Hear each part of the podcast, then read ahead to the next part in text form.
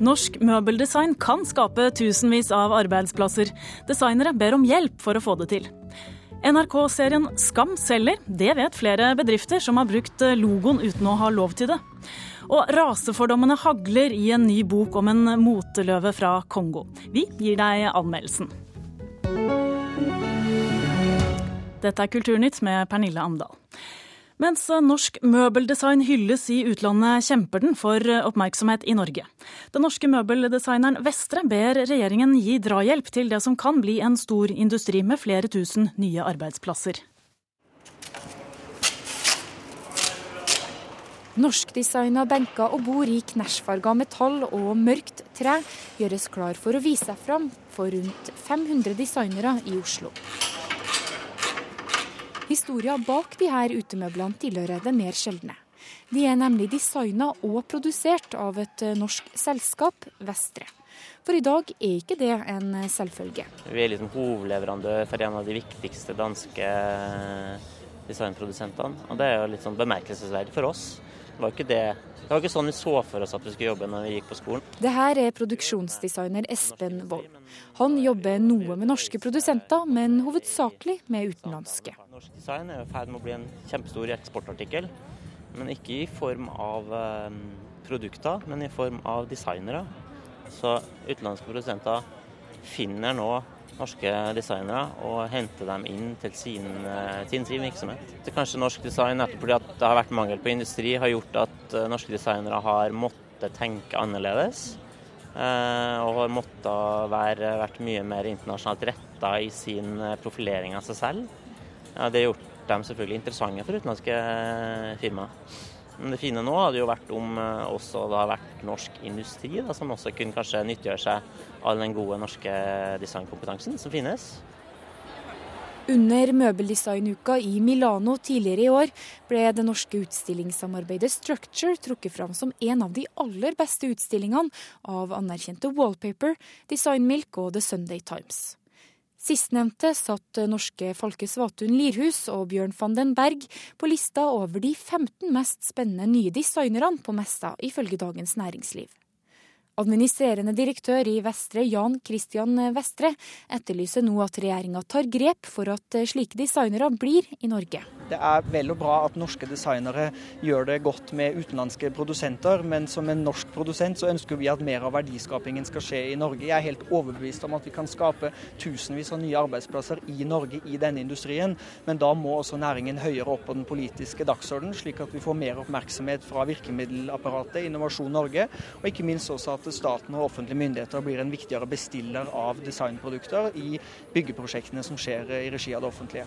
Han mener næringsminister Monica Mæland bør sette design som en av hovedsatsingene når hun ferdiggjør arbeidet med en ny stortingsmelding om omstilling og satsing i industrien framover.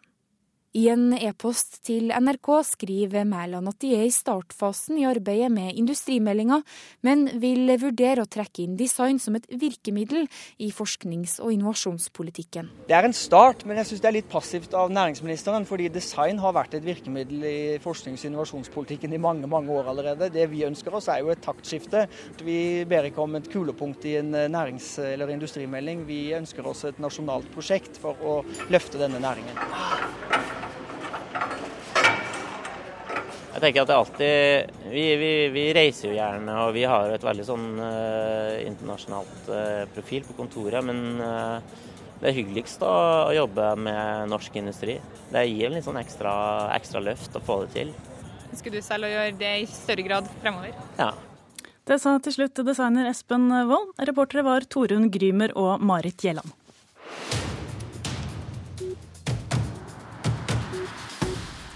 Regnbueflagget har vaiet på halv stang verden over etter Orlando-skytingen natt til søndag. Reporter Eirik Tufteland Kroken, dette flagget har blitt et viktig symbol for homobevegelsen? Ja, eh, ofrene for eh, skytemassakren hedres over hele verden. Eh, kjente landemerker har blitt lyst opp i regnbuens farger, sånn som havnebroen i Sydney, Eiffeltårnet og et stort regnbueflagg ble holdt opp på Pariserplassen i Berlin utenfor den amerikanske ambassaden. Eh, Aftenposten skriver i dag om regnbueflagget og betydningen som felles symbol for eh, homomiljøet. Det kommer fra San Francisco i 1978 og, og viser styrke, solidaritet og, og mangfold. Regnbuefargene kommer også til å pryde hovedstaden vår her hjemme når Oslo Pride, Norges største skeive kulturarrangement, åpner på fredag. Hm. Du har sett på andre kulturnyheter også. Vi skal høre at Prince sin tragiske bortgang har gitt en positiv side ved seg for fansen. Ja. Well, baby. First things first, we like you to stare. We used to go on stage in our underwear. We changed up. Prince kontrollerte musikken sin veldig strengt. Det finnes bare én sang på Spotify, og det er den vi hørte litt av her, 'Stare'. Men etter at Prince døde nå i april, så har musikken hans blitt mye enklere å lytte til. Det er VG som i dag forteller at han Prince skal ha hatt egne ansatte som passet på at alt som ble lastet opp på f.eks. YouTube, ble fjernet igjen. Men den store sorgen etter hans bortgang har ført til at fansen nå kan høre på veldig mange av hans sanger sånn som på, på YouTube. Mm. Og så skal vi høre at folk i Kristiansand har fått seg en uh, kunstnerisk uh, overraskelse. De som har oppdaget det, i hvert fall. ja. Eh, politiet i Kristiansand rykket i går ut eh, til Skippergata, der en bil lå på taket. Eh, både de og publikum lurte jo på hva dette her var for noe. Om bilen hadde krasjet, eller om han hadde falt ut av en lastebil eller noe lignende. Men det var altså et kunstprosjekt. Kunstner Lasse Årikstad skal plassere flere biler rundt om i Kristiansand. Takk skal du ha, Eirik Tufteland Kroken. Nå blir det spill.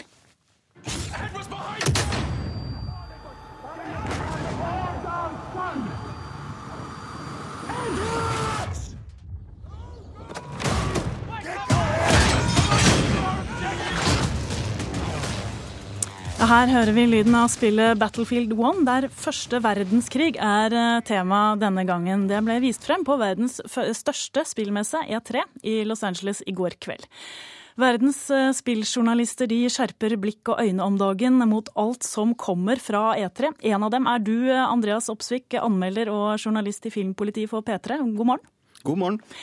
Første verdenskrig, hvor spennende er det som siste nytt på spillfronten? Nei, Det er jo litt sånn, det har vært veldig mye moderne krig de siste åra i på en måte denne typen spill.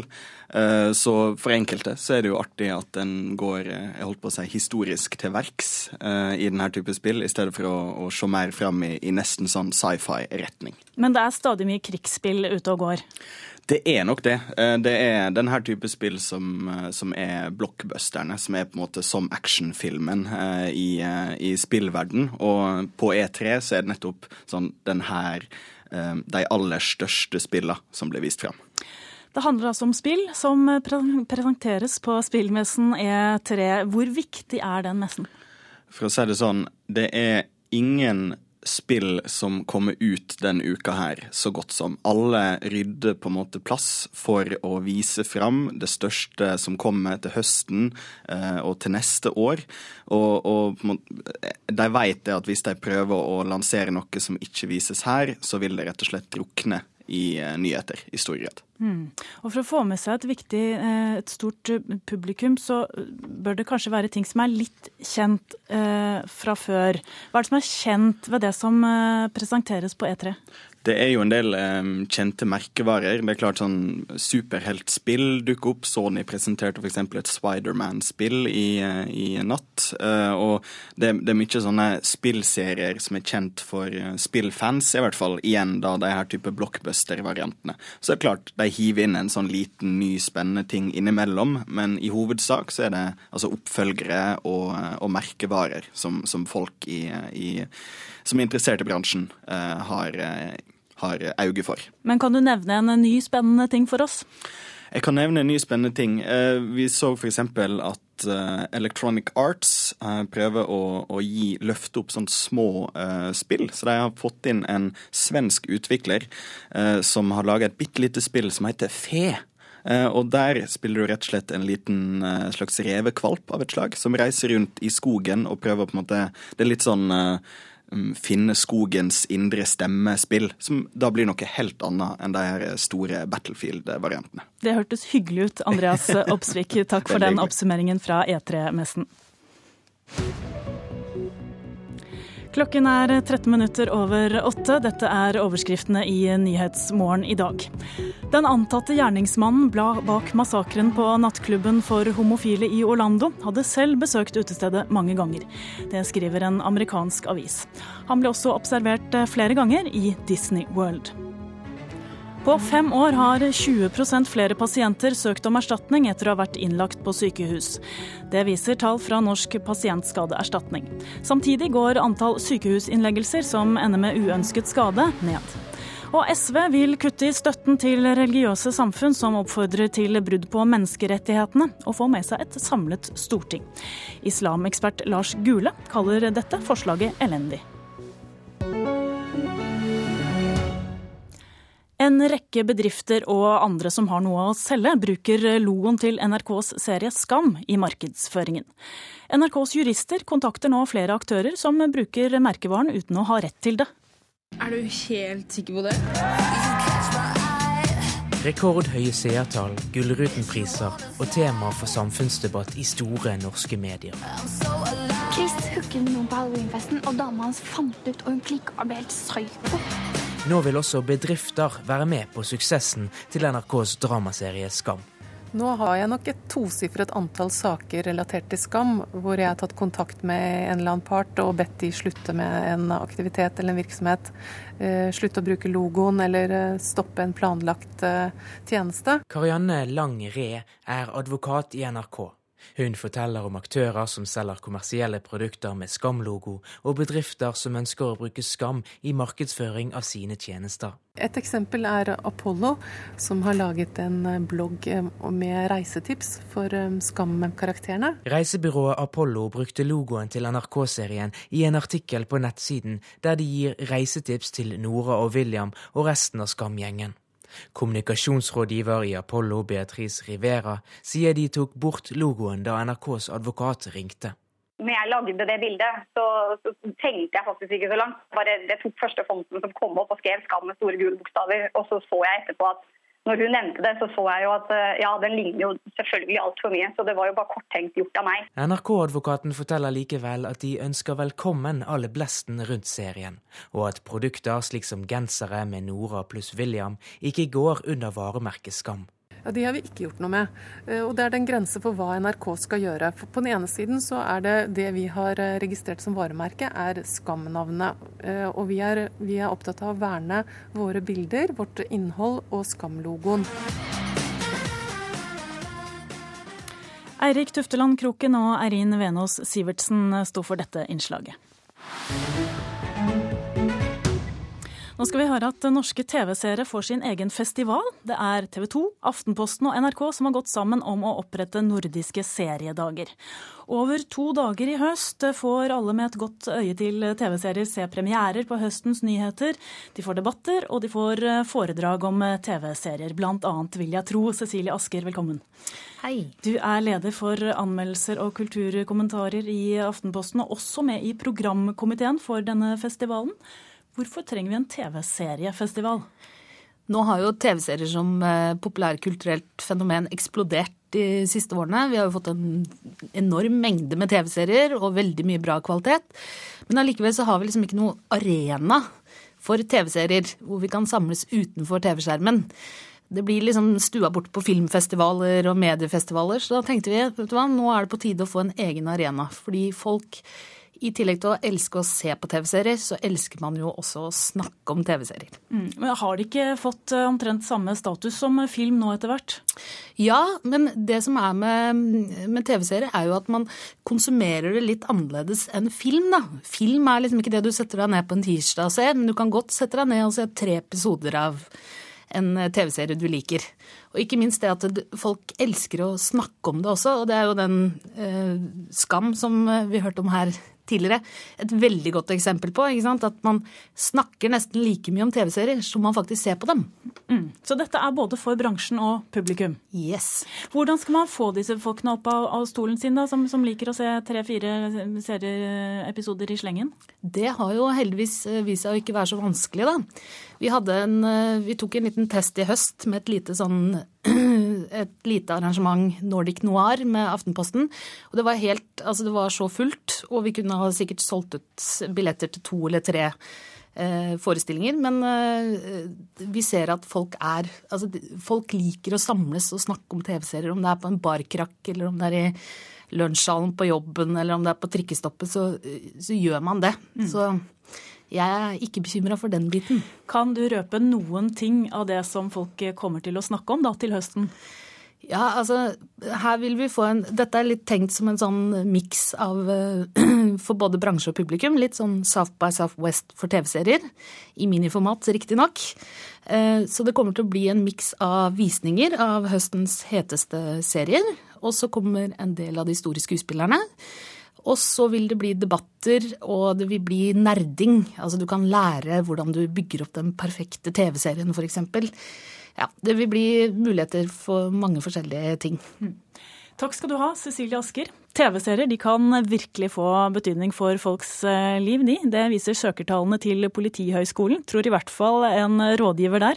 I år er det 5663 søkere til 720 studieplasser. Anders eh, Lundemo på Politihøgskolen tror at eh, Hundepatruljen og Nattpatruljen på TV har litt av skylden. Det er jo vanskelig å måle, men vi har jo absolutt troa på at uh, denne typen eh, serier er med på å få opp interessen rundt uh, politiyrket. Og gir våre søkere et lite innblikk i hva som kanskje venter. da. Det er flest gutter som søker Politihøgskolen, selv om det har jevnet seg ut de siste årene. Av til sammen 5663 søkere er det altså til slutt 720 som kommer inn. Og de går en forholdsvis sikker jobbfremtid i møte, sier rådgiver Anders Lundemo ved Politihøgskolen. Ja, alt tyder på det. Um, uten at jeg kjenner de konkrete tallene, så um, har vi en veldig høy prosentandel som, um, som står i jobb uh, etter endte studier hos oss. Og de gis også en god oppfølging av uh, Politidirektoratet.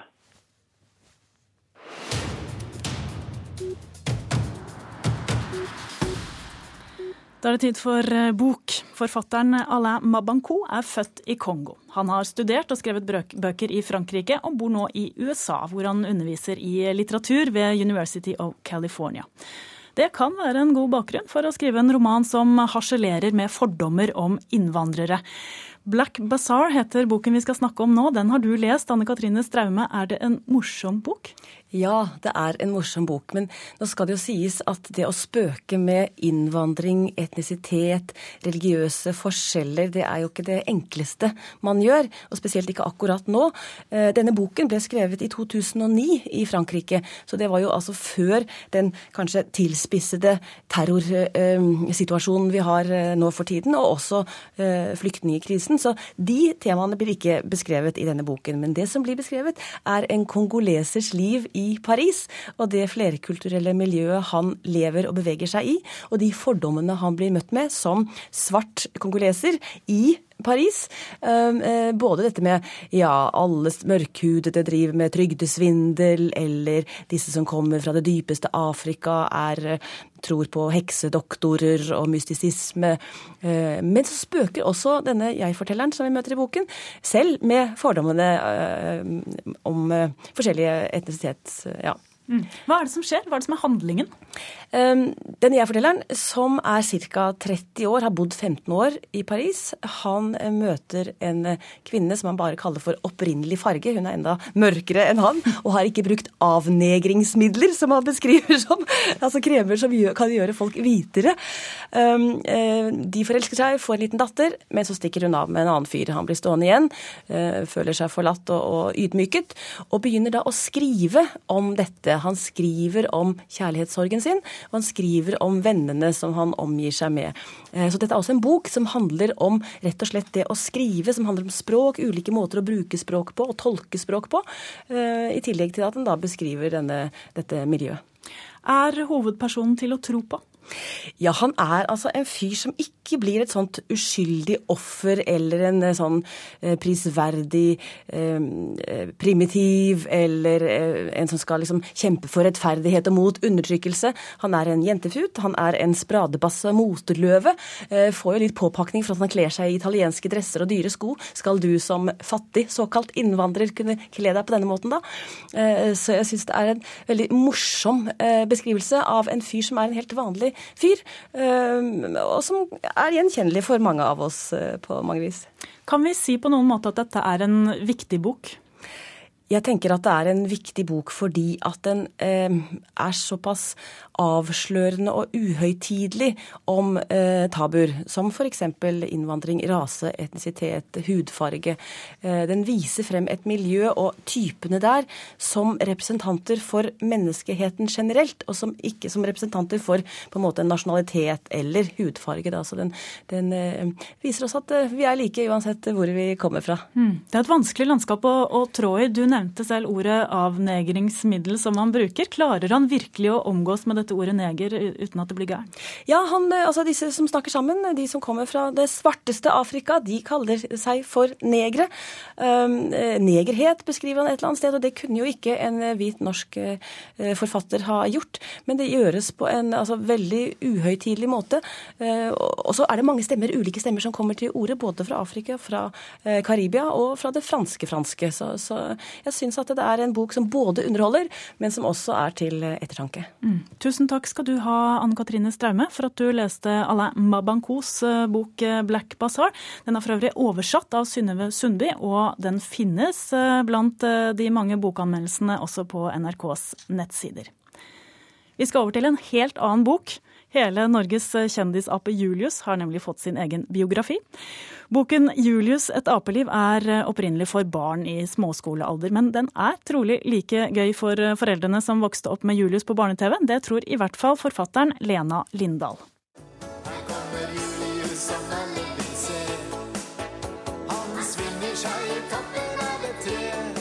Alle som vokste opp på 1980-tallet i Norge, vet hvem Julius er. Sjimpansen som ble født i Kristiansand dyrepark, men som ble avvist av mora og fikk vokse opp hjemme hos mennesker. Kan ikke Julius være med og leke? Nei, han bare ødelegger det. Men så kan han være som stallmester. Nei, altså, det går bare ikke, det. Se, nå, nei, nå, nå spiser han opp meg igjen. Hva er dette? Ville du gjerne hatt en slik lekekamerat? Julius er en sjimpanse som vokser opp blant mennesker. Han er bare seks måneder gammel ennå. I dag er den vesle sjimpansen med rød og hvitstripete bleiebukse som sjarmerte seg inn i små og store hjerter gjennom barne-TV, blitt 36 år gammel. Men la oss se litt på hvor Julius kommer fra. Allerede i 1983 ble det gitt ut en biografi om kjendisen. Men nå kommer en ny, og den forteller hele historien fra han ble født til i dag, sier forfatter Lena Lindahl. Julius var for meg en stor helt da jeg var lite, og jeg hadde så lyst på en liten sjimpanse sjøl. Jeg syns Julius var helt fantastisk, og jeg så på NRKs eh, TV-serie. Og var så, jeg var så misunnelig på de ungene som fikk lov til å, å ha en liten sjimpanse. Julius var en stor helt. Lindahl har laga boka sammen med illustratør Camilla Kohn på oppdrag fra Dyreparken, som i år fyller 50 år. Arbeidet starta tidlig i fjor høst. Så det har vært en ja, møysommelig jobb for å prøve å bli kjent med Julius. Prøve å finne ut hvem han egentlig var. For han er jo en sjimpanse og et dyr, men han har hatt et veldig spesielt liv. Han har jo levd eh, sammen med mennesker, og eh, også annektert en del eh, menneskelige trekk som han levde med veldig lenge, og som derfor ga han store utfordringer i livet. Han fikk et identitetskrise og lurte på hvem han egentlig var. Ledelsen i Dyreparken i Kristiansand skal bygge en egen leilighet for sjimpansen Julius, slik at han ikke skal klare å rømme. Mandag rømte Julius fra Apeøya og angrep og skadet en av søppelkjørerne i Dyreparken. Han hadde en periode at han var litt aggressiv, og han ble isolert. Og...